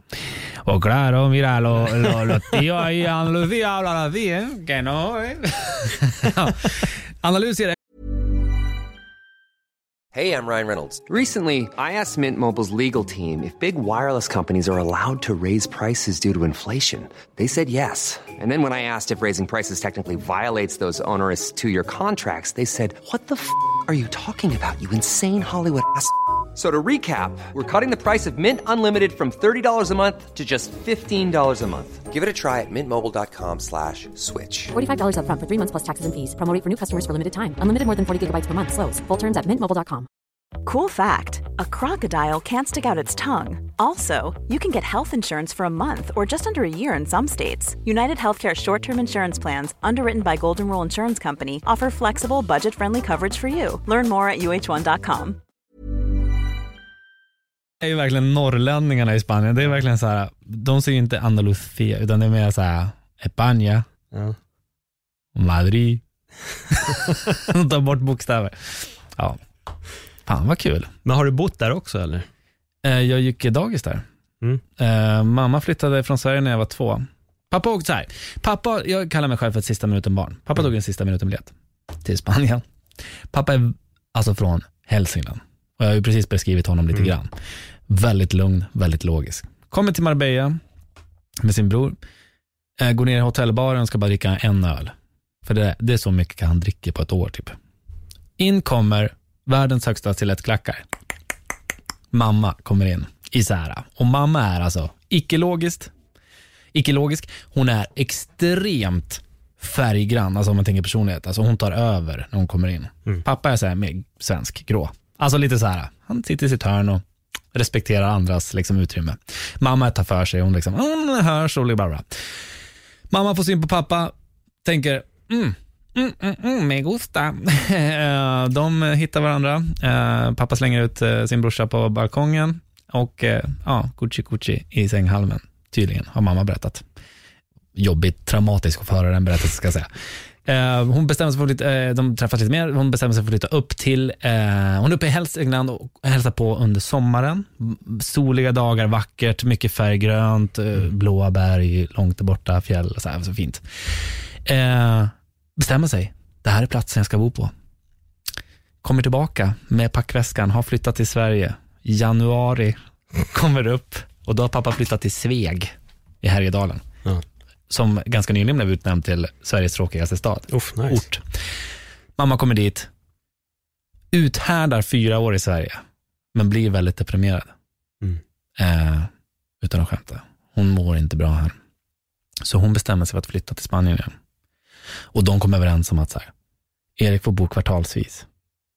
Kanske inte det bästa för ett barn, men jag är väldigt glad att hon gjorde det här valet ändå, för att hon fick bli lycklig igen och blev en lycklig mamma, vilket jag tror är bättre. Så jag bodde, i- då bodde vi i, um, i, i Marbella. Så gick jag i, eh, på dagis där. Jag var en halv meter längre än de andra. Alltså, de, alltså jag var ju verkligen mycket längre än, än, än eh, vi är ju längre, vanligtvis svenskarna. Men så, så där var jag, och du vet, det var bara att kasta in mig. Det var inte så här, jag behövde gå någon specialskola, utan det var ju, det var bara att börja lära sig spanska. Eh, sen började jag gå lågstadiet och, i Sverige då. Så att Mm. jag skulle gå, inte behöva hoppa mellan skolor, jag skulle inte gå. Nej, men då fortsatte du här. Då blev du kvar. Ja, okej. men det finns ju en dröm om att flytta ner. För att jag, på något sätt, jag vet inte om du, eh, har du bott där? Ja. Du har gjort det? Ja, du, ja exakt. Och du, du, det är ju, det finns så mycket starka fördelar med svenskar. Jag älskar mycket av Sverige och jag älskar en perfekt sommardag i Sverige tar jag framför en perfekt sommardag i Spanien. Men det är någonting där när du kommer dit och man får en kram av mammas kompis och hennes man, trots att vi bara setts två gånger. Mm. Och de bara har, och de är så nyfikna på att veta hur man har haft det. Och de har saknat den. Och de lägger till en, du vet det finns en öppen kärlek där som är så jävla fin. Det, jag har tänkt väldigt mycket på det där också. Just eh, det kalla, känslomässiga ibland, som Mm. jag kan uppleva från min mammas sida. Liksom. Eller det är väl mamma nu, hon är den enda som finns kvar. Eh, men det är en annan grej, jag märker att det är en helt annan, det är en helt annan uppfostran. Bara kindpussarna i Spanien gör direkt att du får en annan kontakt med folk redan första gången du har träffat dem. Mm.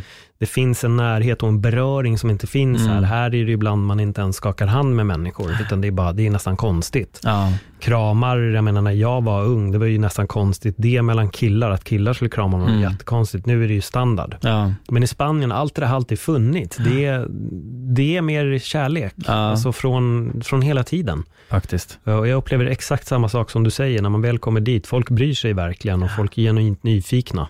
Ja. Jag vet, för jag flyttade dit, min farsa råkade nog, han blev inte deprimerad som min mamma, men han sa det, han bara, jag klarar inte av mörkret. Han bara, kylan, den går att hantera, men mörkret går inte. Och då bodde han ändå i Stockholm, så jag Ja. kan förstå din mamma, att så här, det är bara natt. Nej, det går, Det går inte. Och, uh, så när jag var nio, då flyttade han tillbaka. Så då har jag pendlat. Jag har åkt dit alla semestrar Mm. som jag har haft, alla Ja. lov, så jag har alltid åkt. Då. Men sen när jag var 19, då bodde jag hos honom i ett år. Då flyttade jag dit och var aktivt i Madrid i ett år. Då. Eh, och jag vet att när jag kom hem, alltså, det var så konstigt att komma hem. Jag bara, folk är så jävla otrevliga Ja. alltså. Det är jättemärkligt. Om jag åkte till en kompis och han hade 30 vänner. Efter fem minuter hade jag 30 nya vänner Mm. i Spanien. Ja. Här i Sverige, alltså, du ska vara glad om en... minus. Ja, ja, man ska vara glad om en eller två personer faktiskt vill hälsa på Ja. en. Det är jättekonstigt. Och sen tror många, åh vi är, vi är så jävla trevliga. Alltså, Nej, ni är inte riktigt Nej. och det, Men då kan du uttrycket, no te hagas el sueco. Ja, ja, ja. Alltså det är så roligt när man förklarar det för folk. För er som inte vet då, så finns det ett spanskt uttryck som är, spela inte svensk. ja. Ja, och det här används mycket. Väldigt, Oh ja. väldigt mycket. Min släkt använder det, i Spanien använder det jämt. Ja, jag tycker det är så jävla roligt. Så jag förklarade det här för min tjej, hon bara, men gud, fan vad taskigt liksom. Varför säger vi så? Jag bara, ja, försök att förklara för en turk varför svenskar säger jävla turk för att generalisera. Ja. Typ alla med bruna ögon Ja. och mörkt hår. Faktiskt. Ja, jo i och för sig, det ligger ju någonting i det. Ja. Men det är det här, det är också, när, man förklarar vad det är, om du går på tunnelbanan och inte orkar snacka med en person, så tittar du ner i telefonen eller tittar åt andra hållet. Man spelar lite dumt nonchalant Mm. Ja. i att man inte har sett en person. Exakt. Om man ska hjälpa någon att flytta, ja, då tar man gärna de lätta Ja, ja, ja. kartongerna Ja, istället för de tunga. Liksom. Man, man låtsas också så här, äh, inte förstå att du kanske ska betala entré på vissa ställen har jag också fattat det som. Att så här, man, man, man, jaha, ja, jag visste inte att jag inte fick göra det här. Så det, det, har ju, det, har ju, det fanns till och med en reklam i Spanien när jag var där under som passande nog när det var sommar. Då var det så här. Då hade de letat upp några som såg svenska ut. Då. Fast man såg så här, det var spanjorer med blåa linser och så hade de så här vikingahjälmar då såklart. Så gick de runt på stranden så här och så bara, no te hagas el sueco. Och då var det så här att man skulle, man skulle, inte, man skulle byta till ett annat mobilabonnemang. Jag har sett den där. Ja, det var något sånt där. Jag kommer fan inte ihåg. Ja. Det är så jävla... Men, men där, det är också så här, det är okej att sitta och skratta och prata högt och diskutera och rensa luft och liksom på restauranger där, när vi, vi, alltid, vi går alltid till en restaurang där vi känner ägarna som är så här, och de också så här, kommer runt, runt baren och bara puss, puss, puss, puss, puss kram, kram, ah, hur mår du, hur mår du? Han kommer ut ibland med en svensk flagga liksom och så här, hej, och, och liksom så här, och, och bara, man känner sig så jävla, man känner sig delaktig i, sam, i, i rummet på ett helt annat sätt än vad det gör i Sverige. Jag skulle lätt kunna sitta med sex spanjorer i ett rum och prata och hänga. Sex svenskar, nej. Nej. Då blir jag tyst. Fan, men du, en fråga där. För det har jag någonting, apropå seriös. Känn, har du haft lätt med förhållanden? Eh, Eller har du, då menar jag så här, att, att våga dig ge dig in i ett förhållande?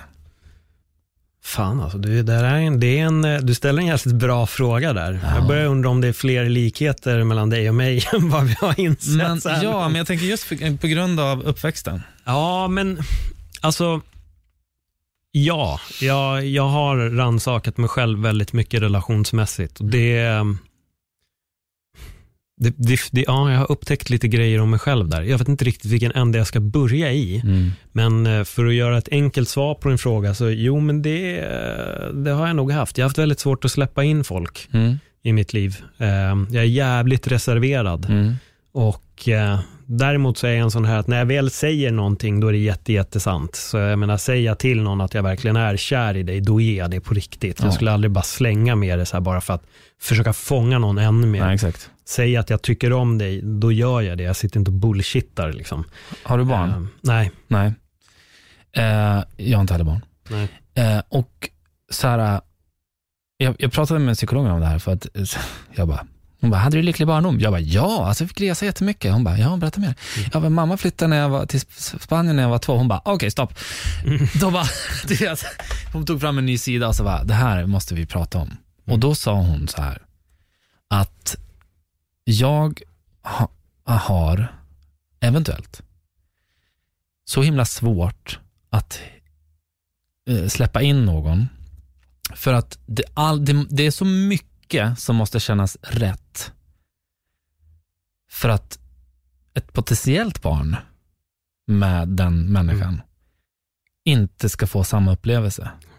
Och då undrar jag, då, då, det har jag aldrig tänkt så, men jag, och efteråt har jag tänkt, börjat tänka på det och, och bara, för folk säger ofta till mig så här, men Erik du är för kräsen. Och jag bara, men är det något fel på att vara kräsen?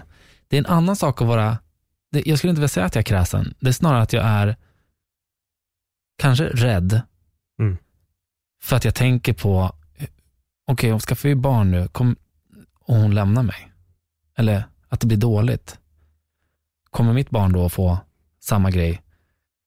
Eh, alltså den här eh, känslan av att eh, jag står mellan två familjer. Pappa och hans Mm. barn och mamma och han, hennes nya barn och jag är liksom den här halvbrorsan till alla.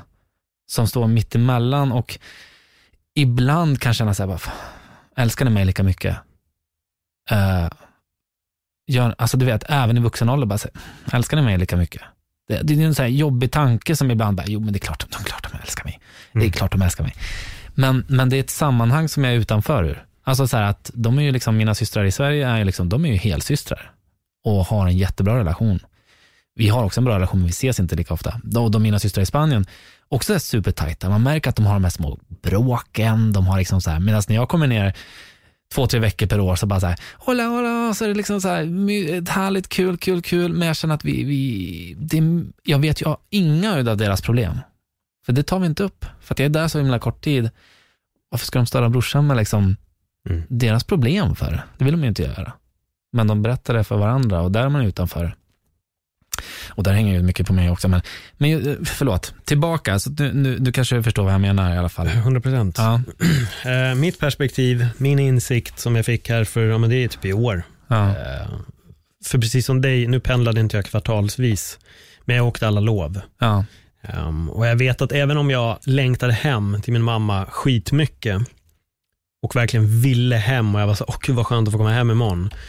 Så bröt jag ihop varje gång min pappa lämnade mig på flygplatsen. Mm. Eller om han var i Sverige och hälsade på så vart jag alltid skitglad när jag träffade han. Men varje gång han åkte så vart det jättejobbigt. Mm. Så jag kom väl till en liten insikt att jag på något sätt har åkt på typ så här, det känns som att jag åkt på 200 hjärtekrossar Mm. innan jag ens Exakt. började ingå relationer med, med Ja. kvinnor. Liksom. Ja.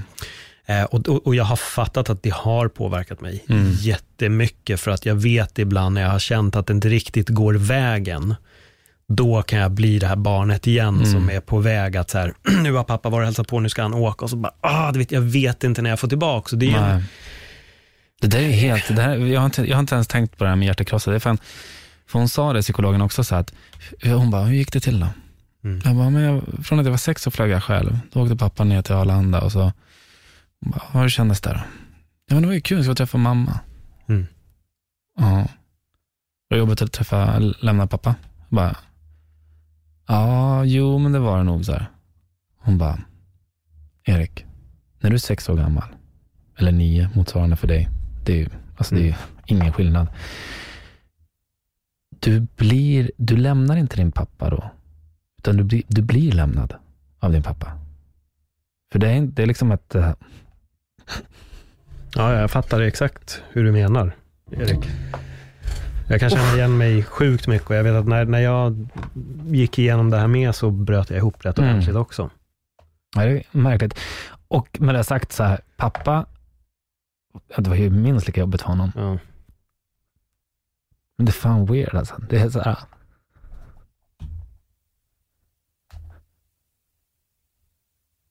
trodde jag skulle klara att dra den här historien nu utan att eh, gråta, men fan. Nej, det går inte. Den är för känslomässig. På tok för känslomässig. Ja. Men hjärtekrossar, det är fan sant. Det är exakt det man har gått igenom. Det är liksom, Ja. Jag, jag tror att det har gjort, för mig så har det också gjort en, skapat en, en rädsla för att släppa in. Ehm, för jag har, jag har haft svårt att släppa Mm. in människor i mitt liv. Alltså det kan Mm. gälla även, alltså det behöver inte bara vara liksom kärleksrelationer, utan ja, men vissa Mm. människor. mm. Så kan jag ha en ganska stor mur framför mig ibland. Man släpper in en del och liksom, när man väl har kommit innanför skinnet, på- alltså på ett positivt sätt, kommit innanför muren hos mig, ja. då är, man, då är, då är det liksom på riktigt. ja, men exakt. Eh, Men, men det har varit och jag, eh, jag hade ingen aning om det där heller. Jag vet, jag vet inte ens hur jag insåg det. Att det var verkligen så här, fan, jag har åkt på så många hjärtkrossar. För jag var så alltså, hysteriskt ledsen, kommer jag ihåg varje Mm. gång. För, för det var ändå så här, min plats var ju här. Mm. Alltså min pappa åkte härifrån. Så för dig hände det ju tidigt att du då började pendla kvartalsvis på något vänster. Vilket, det, det blir också så jävla konstigt, för då blir du aldrig rotad. Min, min, jag var rotad på ett sätt i Sverige och jag åkte Mm. alltid dit. Mm. Men jag vet, det, var, det spelar ingen roll om jag hade världens tjafs med min farsa två minuter innan jag ska på planet. Varje gång jag lämnade han så det liksom, jag bara, jag ville inte därifrån. Nej. Jag var helt förstörd Mm. och bara så här, nu kommer det gå flera månader innan jag får träffa honom igen. Mm. Jag tyckte det var skitjobbigt. Däremot är jag så jävla glad att min mamma och pappa haft en så pass bra Mm. relation. Ja. För hade inte de haft det, då vet jag inte ens om jag fan hade Nej. sett min farsa. Liksom. Nej, shit. Nej, Pappa sa- han säger det fortfarande, han bara, det är det jobbigaste jag någonsin har gjort. Första gången mamma skulle komma upp, hon hade flyttat, mm, skulle ordna och så skulle man komma tillbaka och hämta mig. mm, Han bara, den gången jag lämnade över dig, då tänkte jag så här, jag måste bara lita på det goda i människan här nu, liksom att om hon bestämmer sig mm, att försvinna i Spanien med mig och är borta i sex månader, Mm. då kommer eh, samhället att utgå från barnets bästa, alltså jag. Mm. Och då kommer det vara att det är bättre för barnet att inte rycka ur barnet ur sitt sammanhang, nej. utan låta barnet vara kvar i sin trygghet. Mm. Alltså i Spanien. Mm. Oj. Hur, Eh. hur är det för dig med, med relationer då? Nej men det är likadant. Jag, jag, jag har, jag har eh, varit singel större delen av mitt vuxna liv. Mm. Eh, och eh, har haft, eh, när, vi, när man varit tillsammans med, alltså när, när för 10-11 år sedan när jag var tillsammans med mitt längsta förhållande, som var nästan tre år, så var det alltid så här, jag märkte att när diskussioner blommade upp, så blev det liksom så här att den ekvationen att det här bråket kan sluta med att det, att det tar slut. Mm. Alltså ett bråk som, för ett normalt förhållande kanske bara skulle vara, okej, ja ja, vi bråkar och så om någon dag är det bra igen. Så, vi kommer att säga förlåt och så kommer det bli bra. För mig blev det alltid jättestort att, så att om om hon liksom bara så här rusade ur lägenheten för att vi var så arga på varandra. Då var det så här, ja, kommer hon komma tillbaka? Mm. Och det, det blev så himla emotionellt stort. Det var bara kändes i hjärtat så här. Och, vilket gjorde att man kanske ibland bara så här, nej men snälla, snälla, okej, eh, för, förlåt. Alltså så. Jag, jag, jag, jag, jag orkar inte att, du, att någon lämnar mig. Alltså så. Att det, det blev liksom att det manifesterade sig på de grälen. Eh, och sen har jag också haft väldigt, inte vågat chansa. Du vet att jag kan inte bara säga som vissa vänner bara säga, men eh, fan dejta ett tag, känn hur det känns. Mm. Men fan, häng under hösten då. Jag bara, mm, va? Men det är ju inte på riktigt. Alltså så. Jag vet ju hur det känns när man blir förälskad. Jag, jag, jag, jag, jag kan känslan. Mm. Och det är då, jag, när jag känner den känslan, det är då jag vågar ta det steget. För då är det värt det. Mm. Då, är, och då tänker man ju så här, ja ja. Kommer jag ut som ett kommer jag ut som en skrothög på andra sidan så är det lugnt. Jag tar det nu, det är värt det. Eh, men, men eh, får jag inte den känslan och den vaknar inte så himla ofta, då, eh, då är det svårt. Och sen har man liksom, jag måste ju också ge mig chansen att få den känslan, vilket gör att jag, måste, jag borde ju gå ut och dejta hur mycket som helst, Mm. men jag prioriterar inte. Nej. Jag, jag har varit... Nej. Ja, det där är när man inte har koll på att rummet är bokat. Ja. Nej, men, det, det, det är det där som har varit lite grejen för mig med. För, för som du säger, jag vet hur det känns Mm, när det känns på riktigt. Och det har också varit ett problem. mm, För då har man, har jag på något sätt också jagat den här ultimata känslan och Mm. kanske ibland inte heller gett en chans. nej exakt. Eh, för ibland tror jag också att jag har förväxlat, eller jag har, det var en, en, en Helene var med i min podd och hon sa det till mig för många år sedan när vi pratade om det här, även i det avsnittet, så säger hon det att du har, eh, se upp så att du inte förväxlar passion och kärlek. Mm, Eh, och jag tror att jag har gjort det väldigt Mm. många gånger. Att när det är passionerat direkt, är det så här, nu är det rätt. mm, Men det kanske inte är det. nej. Ibland finns det också en viss kärlek som kanske växer fram lite. Ja.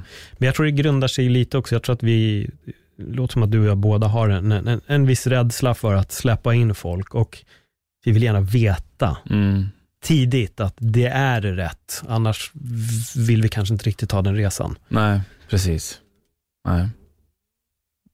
Men det är tydligt att det här med att vara skilsmässobarn och föräldrarna bor i två olika länder, det är sjukt komplext alltså. Och det Ja. ärrar oss på, på sätt som jag tror det tar många år innan man inser och en del inser nog inte ens. Nej, precis. Och sen är jag liksom så här, jag tror att eh, massvis med saker som är bra, bra egenskaper, Mm. också kommer därifrån. Jag tror att Jag tror att man kan, alltså jag blev ju väldigt tidig, tidig väldigt tidig eh, internationell, om man ska säga så. Jag var trespråkig och pratade engelska innan jag, alltså för att jag hamnade engelska människor också i Spanien. Det var liksom så här, jag blev väldigt så här snabbt eh, internationell, om jag säger så, europeisk i alla fall, kan vi säga. Uh, och jag, jag lärde mig att uh, när, uh, när man tar upp en sandal, när en vuxen tar upp en sandal i Sverige, då betyder det ingenting. Tar en, en spanjor upp en sandal, som min, som min morbror Juan gjorde ibland när jag var liten, då betyder det spring. Eh, för den användes ibland på mestadels mina kusiner, men ibland fick jag också en smäll på rumpan. Eh, och så här, man, man, jag tror att man också, jag har ju ett intresse av att resa runt. Jag har ett, jag älskar att vara själv också ibland. Jag har åkt på massvis med semestrar helt själv. Träffat nya människor, precis som du pratade om i Kanada. Man träffar nya möten och kan brinna över så här, även om det bara är en kort vänskap, så, så kan man hänga i en vecka och bara känna att, fan vilket spännande möte, vilket härligt möte och vilket eh, fördomsfritt möte. Mm. Eh, kärnfamiljer, tror jag, de som är vuxna i en kärn-kärnfamilj, en del av dem bygger ju sitt bo nära sina föräldrar och håller sig där Mm. och lever, efterlever precis som de har gjort och tänker att ja, men någon gång ska vi ta över det här huset. Och det, du vet, deras öde, är liksom, de har skrivit sin saga redan. Liksom. Eh, så det, det, jag tror att det finns fördelar och nackdelar, men helt klart, det är djupa sår, eh, är, eh, men också många starka fördelar. Upp och ner. Har du någon gång tagit upp det här med dina föräldrar? Eh, jo, men det har jag gjort. Alltså, jag pratar med pappa om det här och liksom, för mest för att säga, bara säga att så här, det, det, det finns ingenting. Jag tycker att ni gjorde helt fantastiskt. Alltså så. Eh, så att de vet det. för att jag, jag tycker verkligen det att eh, jag hade aldrig velat sett min mamma må dåligt under hela min uppväxt. Jag tror att det hade inte gjort mig något gott, det hade inte Nej. gjort henne något gott, det hade inte gjort pappa något gott. Och att de två som blev så här så kära i varandra, passion, om vi ska säga så, eh, och spännande, det var ett äventyr. Och de var unga, de var liksom 24 och 26 tror jag. De krockade liksom. Och jag blev resultatet. Och eh, jag är ju tacksam. Alltså ändå. Alltså, det är ändå ett ganska viktigt race och att man inte hamnade i en kodis. Alltså det hade varit tråkigt. Ett mindre roligt liv och spolas ner i toaletten. Men alltså så att jag, jag har ju ändå ett liv och det gäller bara att så här, man måste alltid så här, också förvalta det liv man har fått och hän, eh, korten man har fått på hand och köra framåt. Och sen får man faktiskt chansa lite, precis som i poker också. Mm. Det är nästan så man måste göra. Hur känner du eh, med att, för du nämnde lite om att bo i Spanien, för det är ju det är något jag har med. Jag vill ju Mm. kunna pendla. Jag vill ju kunna bo på båda ställena, liksom, Ja. optimala. Jag sa till eh, högsta chefen här på radion eh, för ett tag sedan att så här, min, min vision är att om några år vara en remote worker. Tekniken finns. Mm. Jag vet att sportkommentatorer på andra kanaler som liksom sänder från sina vardagsrum i Marbella liksom, med en liten cerveza i handen. Så jag känner, varför ska inte jag kunna få sända radio därifrån? Eh, kanske podda därifrån eller eh, jobba med voiceover, jobba med min röst och kanske ha något projekt där nere också. Liksom. Alltså vara mer upp, ja, en remote worker. Liksom. Eh, för då skulle jag kunna åka ner till Spanien på vinterhalvåret och inte få den här dippen som jag får. Precis som säkert min mamma hade. Alltså jag blir bara, gud. Du vet att bara att vi pratar om vinterdepression som att det vore liksom en vanlig snuva. Alltså det är, så här, det är ju sjukt. När jag säger det till mamma i Spanien, hon bara, alltså jag förstår inte. Vi pratar som att det vore ingenting. Och jag är skitdeprimerad. Ja men det är vinter. Ja just det, just det, just det. Jag mår så dåligt. Ja men det är vinter bara. Ja men ja. Mm. Vi är inte gjorda för Nej. det här klimatet. Det är det som är så lustigt. Jag tror att det är i Alaska. De som bor där får mer pengar från staten Mm. för att bo där. Just för att det är så massa Ja. mörkt under vinterhalvåret. Ja. Här i Sverige bara, ni bor här. Det är liksom det är inget mer.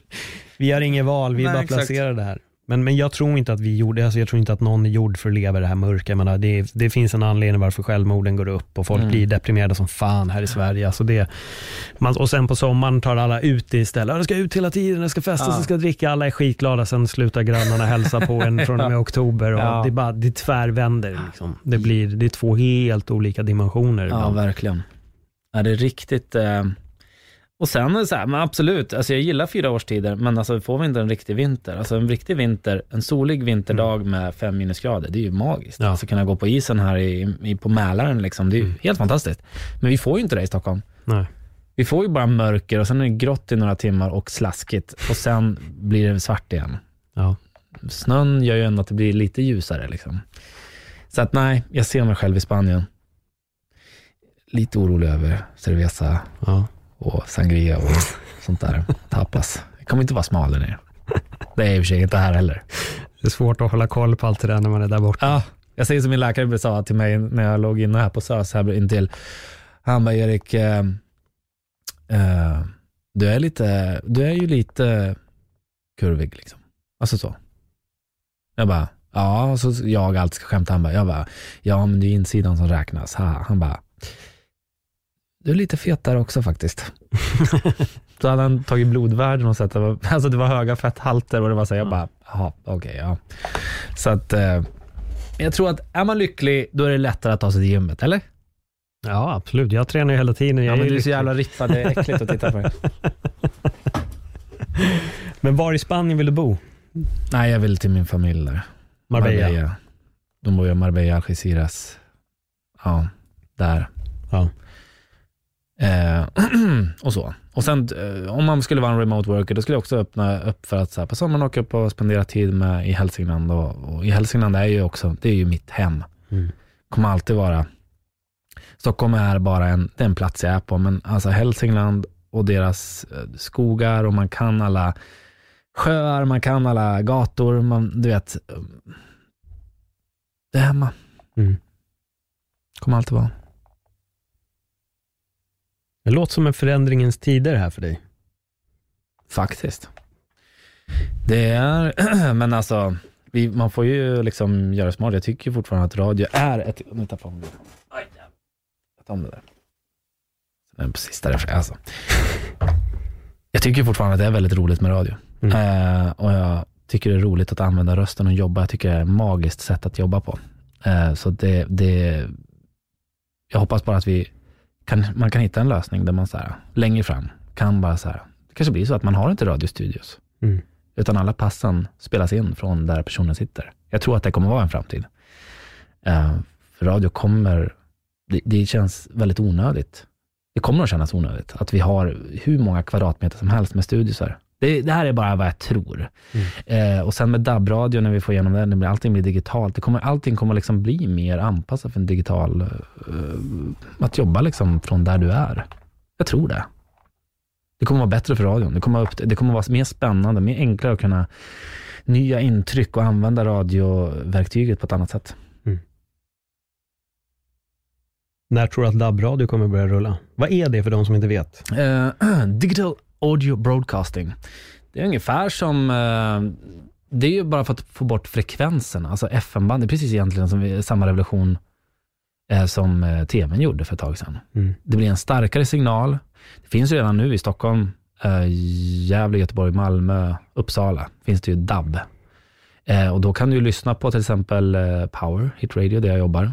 Och då, alltså kopplar du in, om du har en modernare mobil, äh, bil Mm. till exempel. Eh, och då, kan du, då får du ju mycket mer information, vilket gör att ljudet är ju extremt mycket bättre.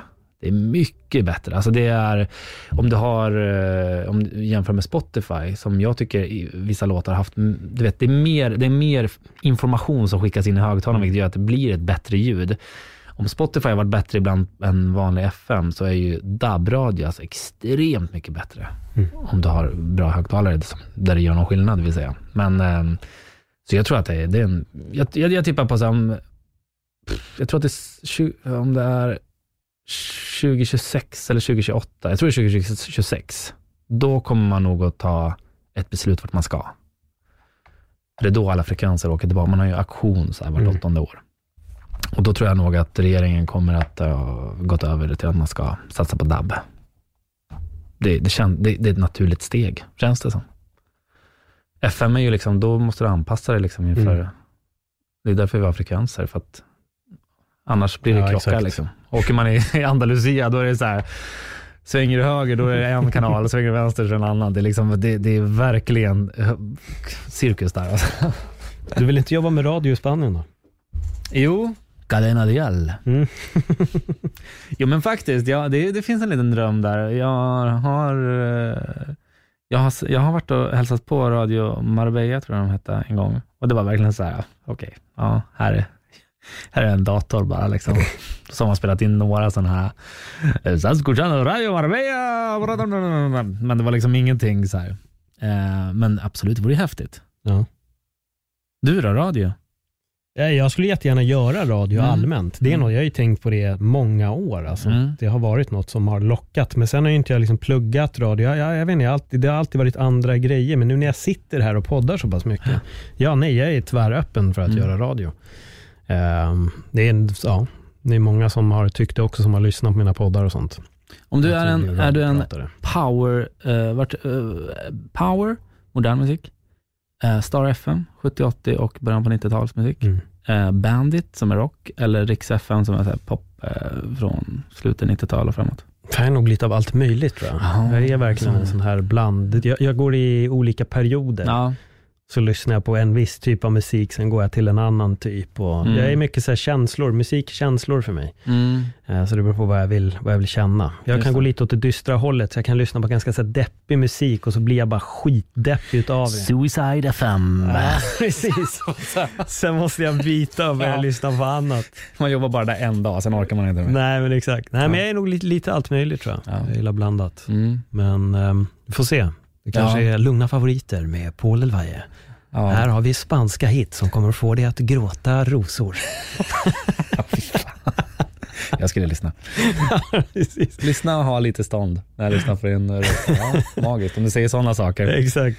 Eh, nej men poddandet har ju blivit också, det, det är ju något nytt för mig. Du har ju hållit på, vad är det, 150, eller hur många har släppt? Ja, upp i 100. Jag tror jag har laddat upp, ja men det är nog 100. När den här släpps så är vi närmare 150. Jävlar alltså. Jag tror upp i 142 stycken idag, men då har jag också spelat in fem avsnitt som inte har släppts. Ja, det är med Robin Kalmegård va, idag? Exexakt. Eller inte Exakt. idag.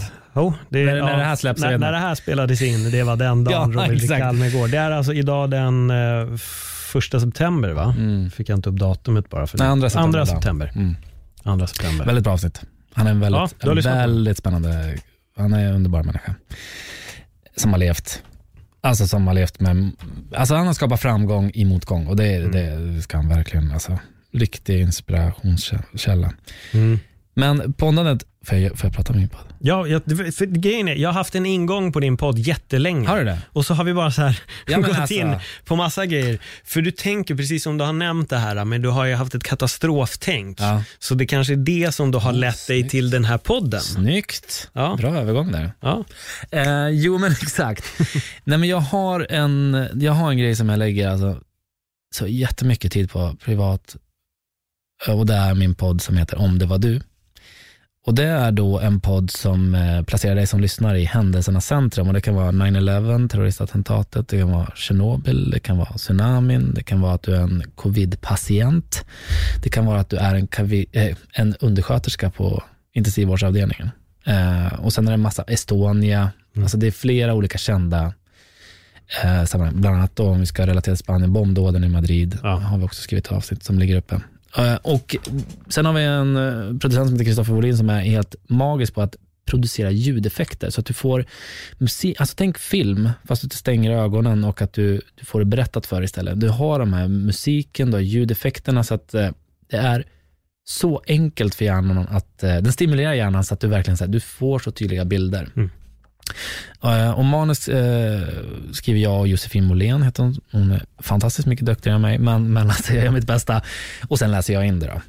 Eh, och skitbra res respons. Den, den, eh, väl värd en lyssning. De är ganska korta avsnitten, 20 minuter.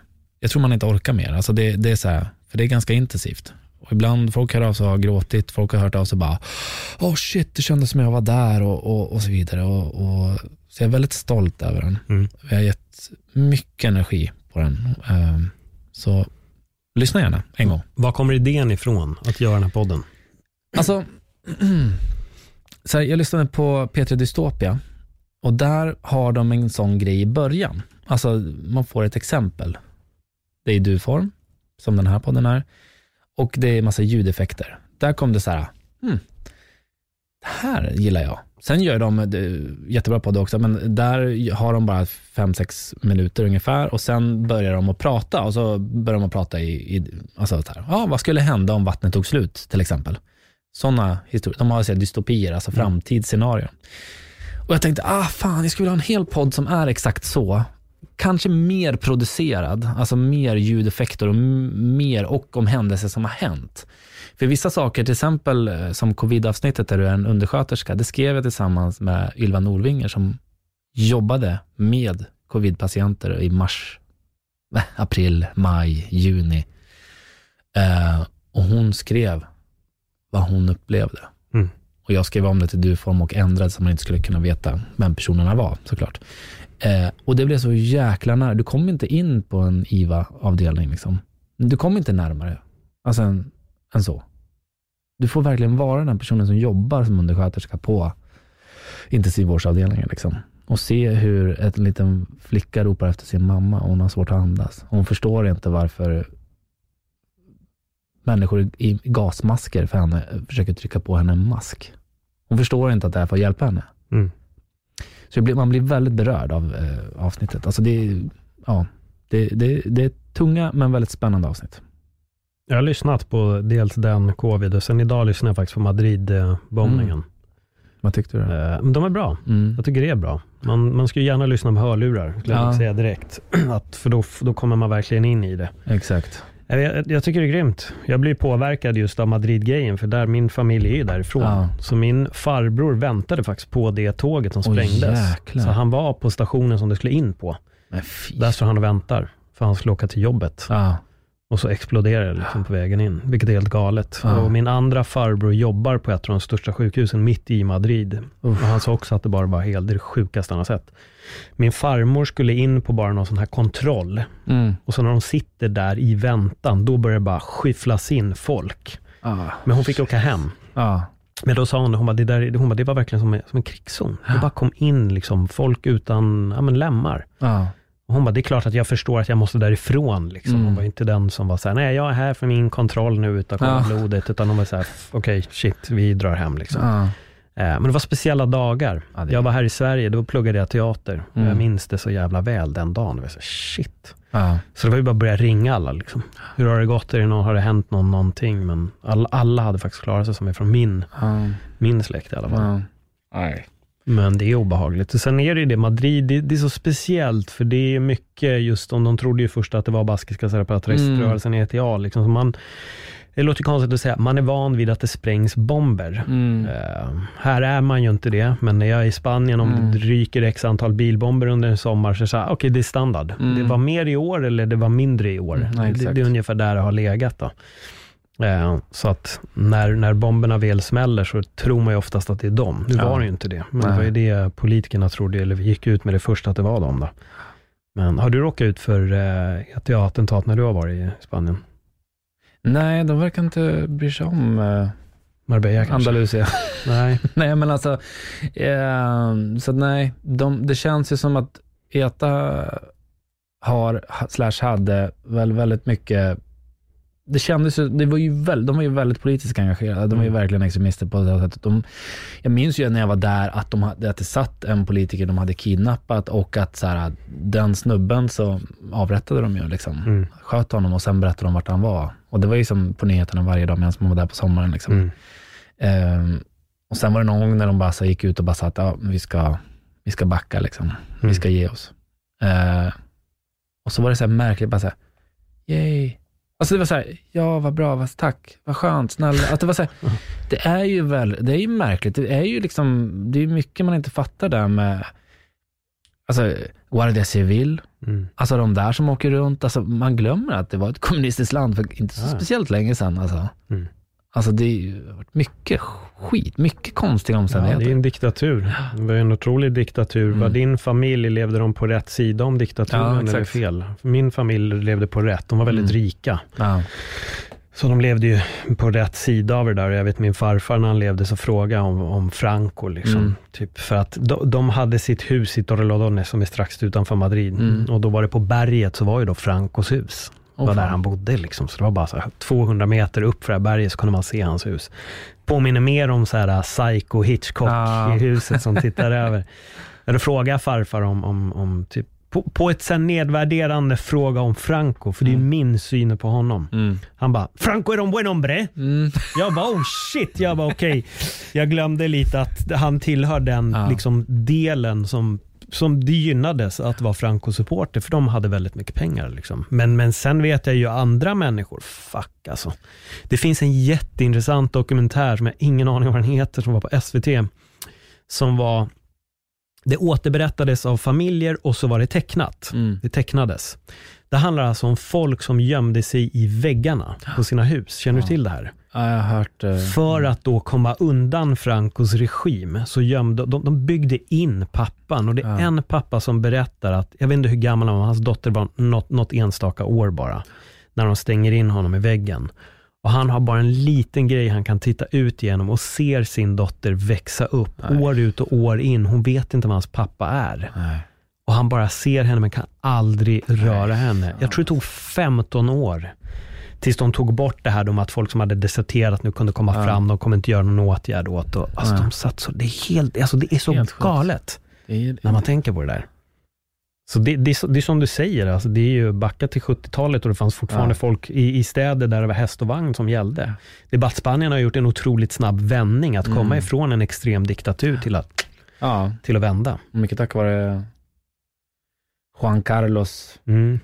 kungen. Känner du till 23 februari, jag vet inte året, när det är då de som vill få tillbaka Franco-regimen som går in i parlamentet mitt under dagssändning på TV.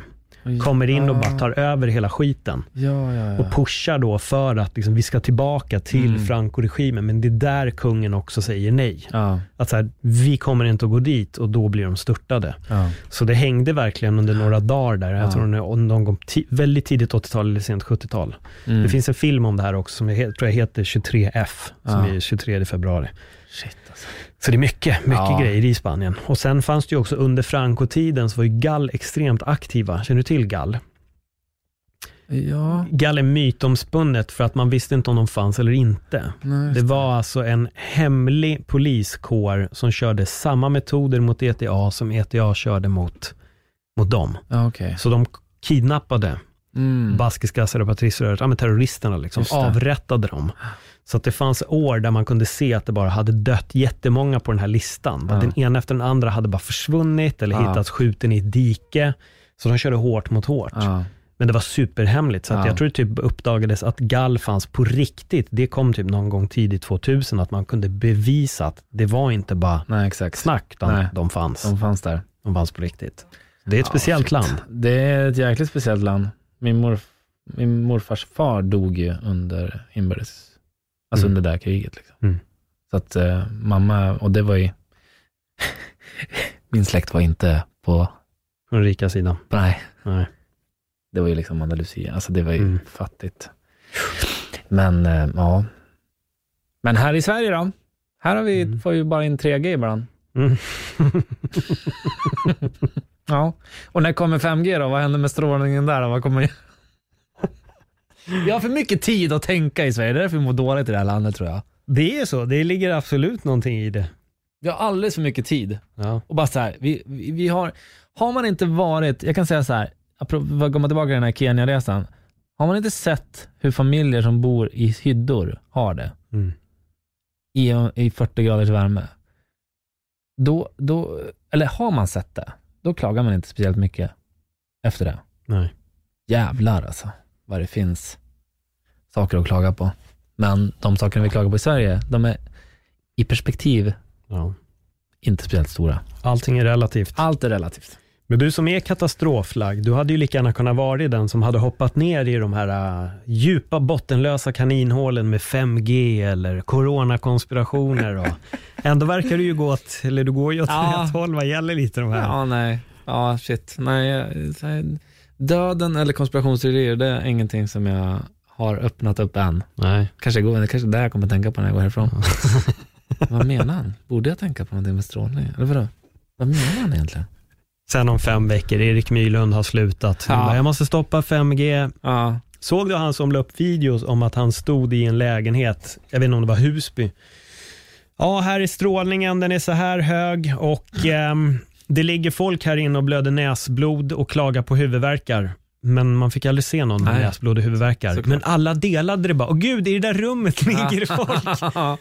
Nej shit, alltså de är, det, det är precis som med ufo-filmer. Det är alltid jättedålig kamera. Ja.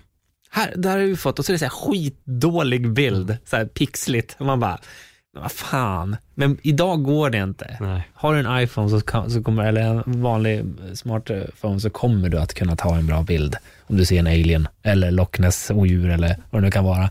När de kommer filma så, nej men min mobil hade laddat ut, men däremot den betacamen stod där redo. exakt, exakt, exakt. Erik, vi har nått vår ändhållplats. Ja, Det har vi gjort. Fan, eh, vi har eh, seglat i verkligen allting under de här 90 minuterna. Vi har gått igenom vårat liv, kärlek, det har varit tårar, det har varit skratt. Vi har kommit in på eh, väldigt mycket mer än vad jag, vad jag hade tänkt och trott. Så eh, jag måste säga tack för att du öppnar upp dig och delar med dig ja men tack själv. av det här. Tack för att du öppnade mig. Ja, välkommen till Öppet sinne, Ja. får jag säga. Om folk inte redan följer dig på din resa, var hittar man dig då? Ja, då kan man eh, antingen lyssna på podden om det var du, eller kolla Instagram, Erik Myrlund. Mycket strunt som kommer upp där, men en del viktiga saker också. Grymt! Grymt. Du, återigen, tack för ett bra samtal. Tack ska du ha. Om ni gillar podden, prenumerera på den. Glöm inte att dela den på era sociala medier och följ jättegärna mig på Instagram också, att så får jag säga tills nästa gång, ha det jättebra. Hej då!